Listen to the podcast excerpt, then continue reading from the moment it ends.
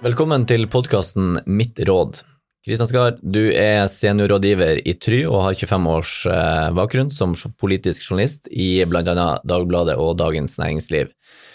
I dag skal vi også snakke om eh, det de aller fleste kanskje forbinder med ordet PR, eh, å få pressen interessert i ditt budskap og få plass i en pågående samfunnsdebatt. La oss gå rett på sak, Kristian. Hvordan kommer du deg egentlig på i mediene? Takk for det. Jeg tror det viktigste er jo at Eh, hvis man skal på i mediene, så må man ha en sak. Eh, det må faktisk være en sak. Og det er mange som eh, tror at de har en sak, men den er ikke god nok, rett og slett. Så verken redaksjonen eller enkeltjournalistene opplever dette som en god nok nyhet. Så du må ha en sak, og det er altså en stor fordel om flere enn deg selv synes at dette er interessant. Så det finnes nok dessverre ikke noe Eller jeg har i hvert fall ikke noe enkelt svar på hvordan man skal få til det. Men det vi eh, jobber med i Tryråd, er jo å, å, hjelpe kundene våre til å bygge opp et aktivt forhold til eh, medier og journalister innenfor de temaene de eh, virksomhetene deres eh, jobber med. Eh, og over tid så vil da sannsynligheten øke mye for at de faktisk får mer oppmerksomhet eh, i, i pressen. Eh, og, det er jo alt fra selvfølgeligheter eh, som at det er greit å vite hvilke journalister er interessert i dette temaet, hvilke medier pleier å omtale dette mest mulig. Og det må stort sett til. Å bare sende en e-post blindt inn til en redaksjon eh, fører sjelden til noe sak. Mm. Eh, hvor viktig er det egentlig å, å, forsøke å komme på trykk eller i, i, i, de mer tradisjonelle mediekanalene når vi ser at uh, den oppvoksende generasjonen ikke, ikke lenger forholder seg til dem? Nei, du har jo på mange måter rett til det, at uh, folk bruker jo ikke de klassiske mediene sånn som de gjorde før i tida. Uh, selv om jeg gjør det, og en god del gjør det, starter morgenen med å hente avisene på dørmatta, så er det mange som ikke leser aviser på den måten. Uh, og nedgangen i den type mediebruk er jo selvfølgelig brutal, og det husker jeg jo selv også, for jeg jobba i forskjellige redaksjoner. at når jeg, uh, ja, når jeg starta på 90-tallet, så var det jo uh, veldig mange flere journalister som dekka spesialområder, og, og det var rett og slett en kamp for journalistene å komme på trykk i egen avis, fordi at uh, det var begrenset antall flater man kunne publisere ting på. Uh, I dag så er det jo mye mer at det meste som produseres, kommer på trykk. For at sosiale medier, som vi alle vet, har jo overtatt veldig mye av uh, rollen som informasjonskilde til veldig mange.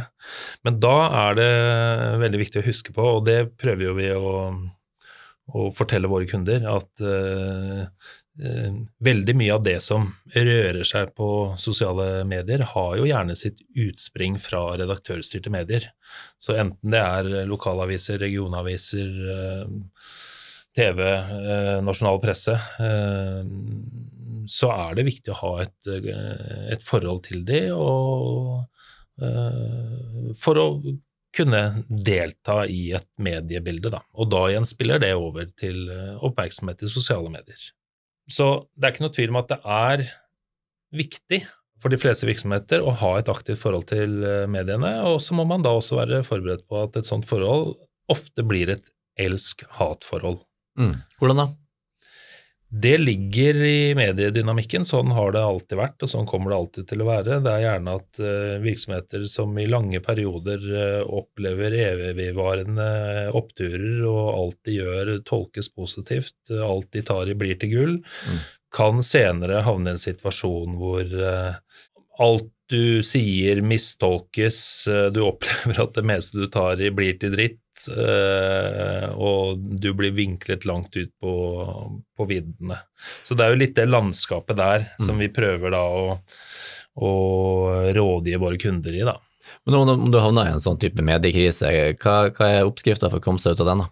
Når det gjelder krisehåndtering, så finnes det ingen uh, entydig oppskrift, dessverre, men mm. også helt naturligvis. Og jeg Eh, jeg reagerer ofte når man får eh, ja, eh, gjerne folk fra vår bransje eller andre som kan etter en krise i en virksomhet kan gå ut og være høye og mørke og mene veldig kraftfullt om at de gjorde den og den feilen, hadde de bare gjort det og det annerledes, så ville ikke dette bli en krise. Det er sjelden riktig, og det er stort sett tegnet på at de egentlig ikke har forstått hva som skjedde på innsiden.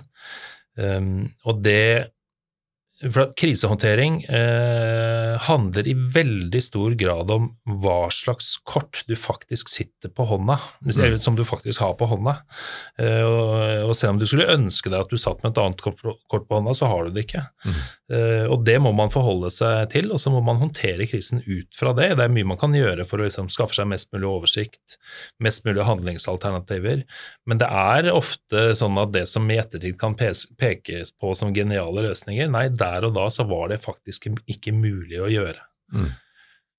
Jeg syns faktisk det ligner litt på regattaseiling, som jeg gjør en del på fritida. Mm.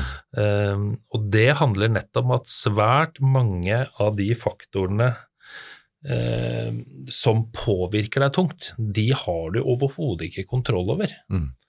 Uh, og alt er superlett hvis du ligger foran, du leder, eh, du har kontroll over hele feltet, de andre båtene eh, ligger bak deg, oversikten er kjempegod, valgene er i grunnen helt naturlige, veldig enkle. Det meste du gjør eh, gir deg ytterligere suksess. Og risikoen er eh, veldig, eh, veldig, lav. Du kan velge fritt kursen videre fram til neste rundingsmerke. Eh, men dersom du får en dårlig start, og du kommer dårlig ut, enten det er din skyld eller andres, så er det ufattelig mer krevende å komme deg frem i teten. Eh, valgene blir dramatisk færre. Du havner i vindskygge bak andre båter. Eh, risikoen blir skyhøy. Eh, når du planlegger noe lurt, så kommer det alltid en i veien. Du må slå deg vekk, eller du må gå bak den, den båten. Og det som kan se ut som var et godt valg, viser seg etterpå var for høy risiko, og du mm. tapte i grunnen mer på det. Så prestasjonen din blir i veldig stor grad påvirket av andre eller av ytre forhold. Da. Og i, i, i regattaseiling som, som, ellers, da, så kan man jo komme inn på brygga igjen, så står det en som er høy og mørk der, og kommer med noen snusfornuftige forklaringer. Hadde du bare gjort dette?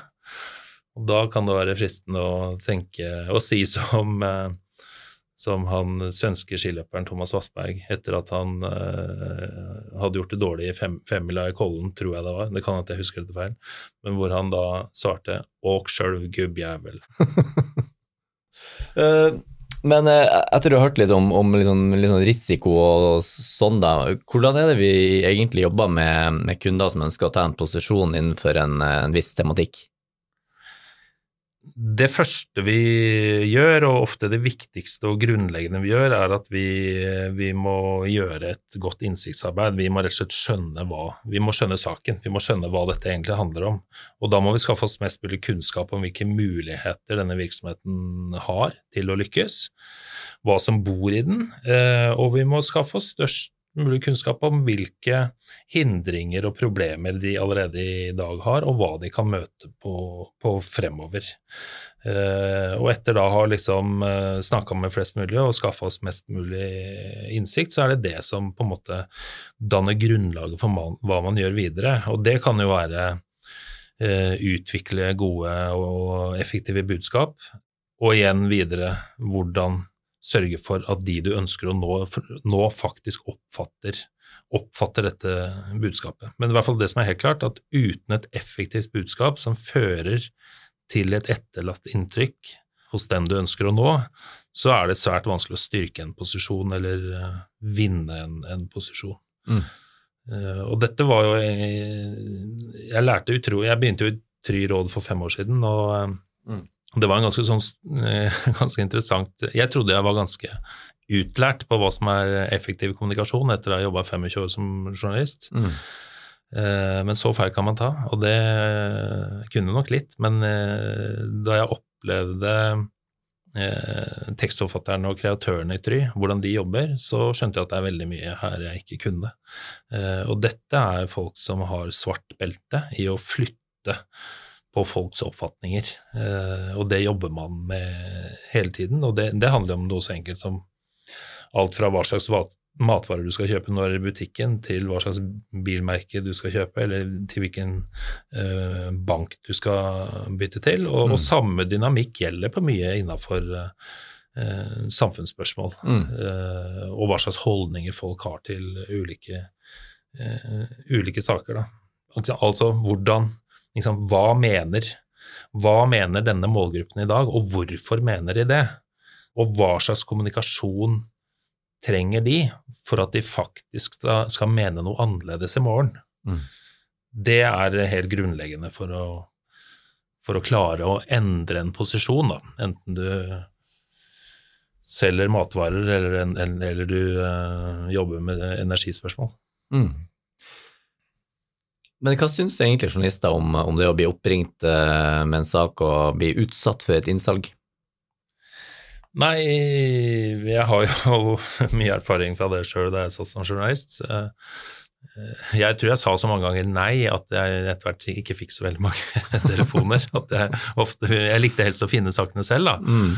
Eh, men generelt sett så tror jeg mange journalister kan oppleve det som, eh, som støy, særlig hvis disse hvis det oppleves som at dette her er folks ønsker og analyser om hva de selv tror kan være en sak, enn at det faktisk er noe som du som journalist opplever som jøss, dette er spennende, dette mm. er faktisk en nyhet, ja, den kan jeg, den kan jeg ta. Og, og hvis, hvis, en journalist får inn den type saker, så er det jo enkelt, fordi en journalist eh, vil jo ha uh, gode saker, vil ha gode nyheter. Det er derfor de er journalist. Mm. Og da tar de gjerne imot, da. Så det er liksom å finne, finne den som, som er litt uh, avgjørende. Fins det noen gode metoder for, som brukes for å, for å, for lage et godt innsalg? Det finnes i hvert fall utrolig mange dårlige metoder. uh, og jeg tror kanskje, kanskje, det aller dårligste rådet er at um, folk, folk, som oss da, i PR-byråer skal sitte og ringe rundt til journalister. Det, det fører sjelden noe godt med seg. Så, så en, helt klart det mest effektive er jo at den kunden eller den virksomheten vi vi jobber for. da, At vi hjelper de til å lære de litt mer opp. da, Hvordan skal de gå frem hvis de har en, en sak de har lyst til å prøve å få på trykk i, i mediene. Et annet viktig forhold er jo eh, eh det der å ha kunnskap om eh, hva de forskjellige journalistene og de forskjellige eh, mediene skriver om. Eh, det er jo ganske grunnleggende for å vite hvor du skal ta kontakt, rett og slett. For du må, du må, jo liksom finne noen som er interessert i saksfeltet ditt, for at du skal ha en sjanse å komme på med, med, ditt budskap. Da. Og da hjelper det å snakke med oss, for det har jo vi ganske god, god oversikt over. Og pluss at vi jobber jo med å hjelpe kunden til å forstå liksom, hva er egentlig nyheten din. Det kan jo ofte være en stor forskjell på mm. hva liksom, kunden tror er nyheten. Mm. Men så kan vi si at jo, det er fint det, men, men, det kommer ikke til å fly. Det er faktisk den delen der som er interessant. Det er det som pressen kommer til å synes er interessant. Så det er jo mange som, som starter eh, samtalen og arbeidet med oss med et ønske om at de, de ønsker å få ut det budskapet. Men etter at vi jobba med dem en stund, så ender vi opp med at budskapet kan være faktisk ganske annerledes, da. Mm. Kristian, eh, du har jo en ganske kjent kone, Hadia Tajik, i Arbeiderpartiet, eh, som mange kjenner til. Eh, har det vært noe presseoppmerksomhet rundt, rundt det? det har vært litt presseoppmerksomhet rundt Hadia, det er helt riktig. Og det er jo både moro og til tider ganske slitsomt og ubehagelig. Jeg tror det er sånn de fleste som uh, står i medienes søkelys, uh, opplever. Uh, og det er på godt og vondt. Og veldig moro med Skal vi danse, men det var litt slitsomt det òg. Men stort sett bare moro. Men det er klart, det, det man i hvert fall skjønner når man er gift med eller er nær på en person som, som havner i medienes søkelys, og også perioder veldig kritisk, det er jo at man man skjønner egentlig ikke hvor heftig det er før man faktisk uh, står der selv ved siden av og, mm. opplever det. Men uh, det er jo kanskje tema for en annen podkast som vi kan gå dypere inn i seinere. Mitt råd. Du har delt eh, mange gode råd og refleksjoner, Kristian. Og råd er jo det vi lever av og driver med i Tryråd. Hvis du skal oppsummere, hva er ditt viktigste råd til noen som ønsker å posisjonere seg, eller rett og slett komme på? Viktigste råd for å komme på i mediene er at det faktisk er en sak, og at timingen er riktig. At den treffer samfunnsdebatten på riktig tidspunkt. Takk for at du var med oss, Kristian eh, Skar. Takk. Mitt navn er Jonas Rask, og jeg er rådgiver i Try.